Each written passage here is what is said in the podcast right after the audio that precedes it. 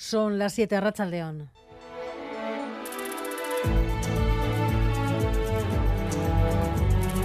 Gambara con Arancha García.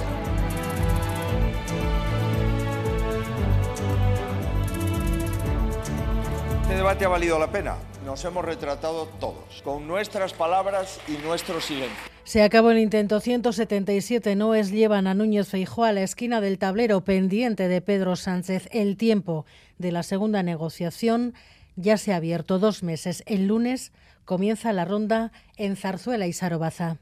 Sí, el rey se reunirá con los grupos de menor a mayor el próximo lunes y martes. El lunes Felipe VI se reunirá con UPN, Coalición Canaria, PNV, Vox y Sumar. Y ya el martes será el turno de PSOE y PP. No acudirán a la audiencia con el monarca grupos que pueden resultar clave de cara a la investidura de Sánchez. Ni Bildu, ni Esquerra, ni Junts. Tampoco el BNG. La marcha atrás y arrancado. Si para el 27 de noviembre no sale adelante la próxima investidura, se convocarían nuevas elecciones. La única opción de la derecha, la repetición de elecciones, Rajoy aclarado frente a algunas voces de su partido que el PP en ningún caso va a abstenerse para que Sánchez no tenga que depender del voto independentista. Aparte de la aclaración, el pleno de esta mañana un calco del de hace unos días. La novedad en la votación. Un diputado de Junts se ha confundido, ha rectificado. La mesa ha acabado anulando el voto.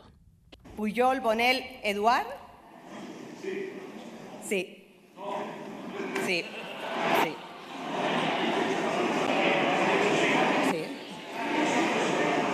Fraga Pedro.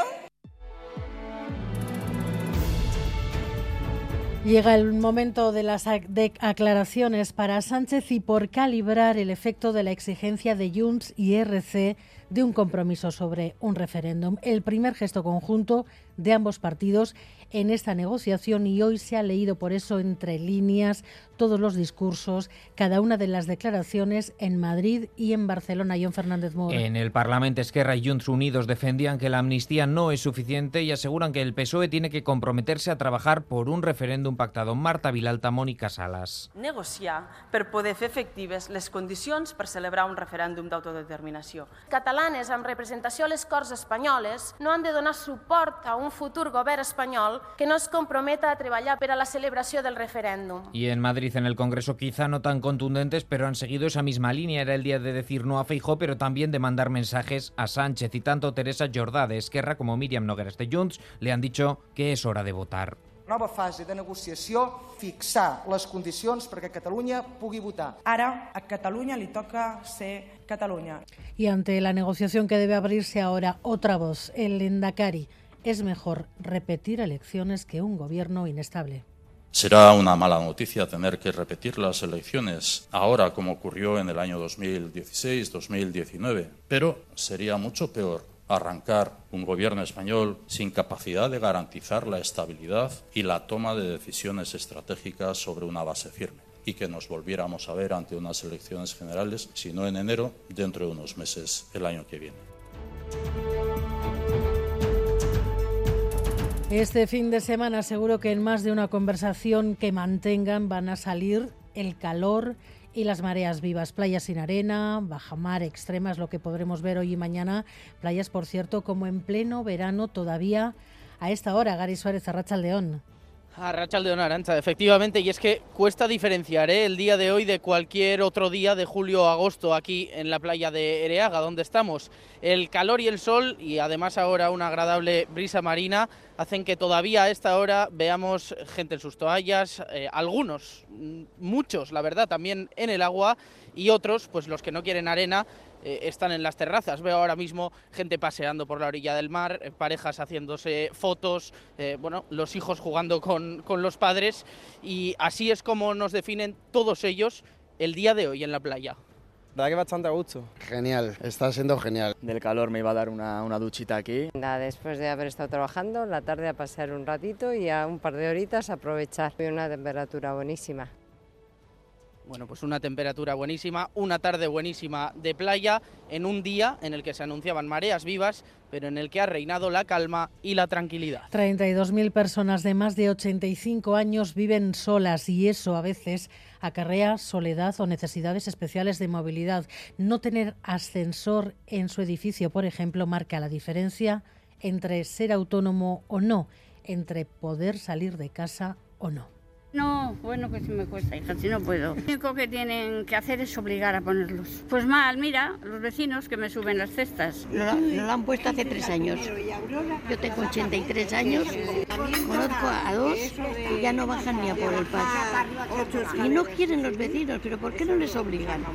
Las cuotas de un préstamo medio de 150.000 euros a 25 años son desde hoy 160 euros más caras, 2.000 euros al año. El Euribor ha vuelto a subir en septiembre, David Beramendi. Sí, sí, el Euribor vuelve a repuntar y cierra septiembre en el 4,14%. Conclusión, una vez más, los préstamos hipotecarios se van a encarecer. Una familia con una hipoteca de 150.000 euros a 25 años deberá pagar 160 euros más al mes, 182 euros más si su hipoteca es de 180.000 euros. Así las cosas, el número de familias que destinan casi la mitad de sus ingresos a pagar la hipoteca ha subido del 11 al 14%. Los bancos prevén una pequeña subida de la mora, por ahora muy controlada, siempre eso sí, que el empleo siga con su actual buen comportamiento. Y los deportes, Edu García, Rachaldeón. ¿Qué tal, Rachaldeón? Pues pendientes del arranque de la jornada octava de Liga en Primera esta misma noche con el Barça-Sevilla, por cierto, sin representación del club andaluz en el palco de Montjuic, porque ha dicho el Sevilla que no va a acudir al estadio del Barça eh, por el caso Negreira, las gestiones o los movimientos que ha hecho el Barça en tiempo pasado hacen que Sevilla proteste y que no vaya a acudir. Pero lo que nos importa a nosotros es que tenemos dos derbis en esta octava jornada de Liga en Primera. Mañana en Anoeta entre la Real y el Athletic. La última hora del conjunto rojo y blanco pasa porque el comité de competición ha mantenido la roja que vio Ollán Sancet en el duelo entre Getafe, no ha atendido las alegaciones del club rojo y blanco, por tanto se perderá ese partido, como se lo van a perder Odriozola y Zaharian en la Real, que están lesionados y no llegan a tiempo. Y el domingo tenemos Derby Mendizorroza, Deportivo Alavés, Osasuna. Y también en Osasuna hay noticia con el comité de competición, porque después del escándalo de anoche en el partido ante el Atlético de Madrid, con ese gol anulado a David García de forma totalmente incomprensible, Reparto de tarjetas y sanciones. Dos partidos para Yago Barrasate, que no estará en Vitoria y tampoco la próxima semana en el Santiago Bernabéu. Y uno más para el Chimi Ávila, que por la roja que vio también en la recta final del encuentro, no estará en el derby de Mendizorroza. Así que ya ves, Arancha, más pendientes de las sanciones y de los castigos que del propio fútbol, que es lo que nos tiene que ocupar y lo que nos ocupará esta noche en Quirolocagua. Vale.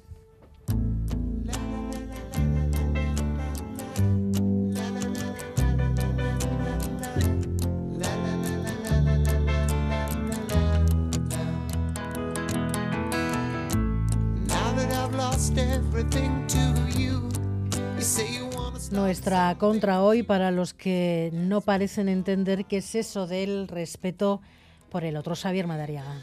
En el AVE Valladolid-Madrid ha habido 45 minutos de retraso y todo ha sido por una trifulca entre un pasajero y el diputado Óscar Puente, el encargado de dar la réplica a Feijó. Todo arrancado con el pasajero preguntando a Puente qué opina sobre lo de Puigdemont. ¿Qué tal, alcalde? ¿Qué le pasa en el Puigdemont? El diputado se ha negado a contestar. No te pongas delante de mí. ¿Me puedes contestar, por favor? Se siente intimidado y llama a la policía. ¿Pueden llamar a la policía? Llama, llama. llama, llama. Puente se propone que echen del tren al molesto pasajero, si no, no viaja. No voy a viajar con este señor. No me va a, preguntar, no me va a contestar. Pero ¿quién se ha creído queriéndolo echar del tren? Se pregunta el pasajero. ¿Quién se cree usted? Un diputado del Parlamento Español.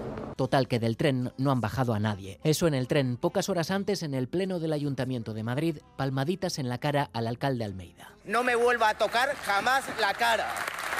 Jamás. El responsable, un concejal socialista cuyas formas ya llevan tiempo siendo cuestionadas. Es que el señor Biondi ya amenazó a un diputado en la Asamblea de Madrid con que le iba a arrancar la cabeza. Biondi acabó usted... fuera del pleno. ¿A quién tengo que pedir, por favor, que alguien acompañe al señor Biondi fuera del salón de plenos? Y el PSOE lo ha obligado a dimitir. Así es como la política española en esta semana de investidura fallida muestra su cara más chabacana.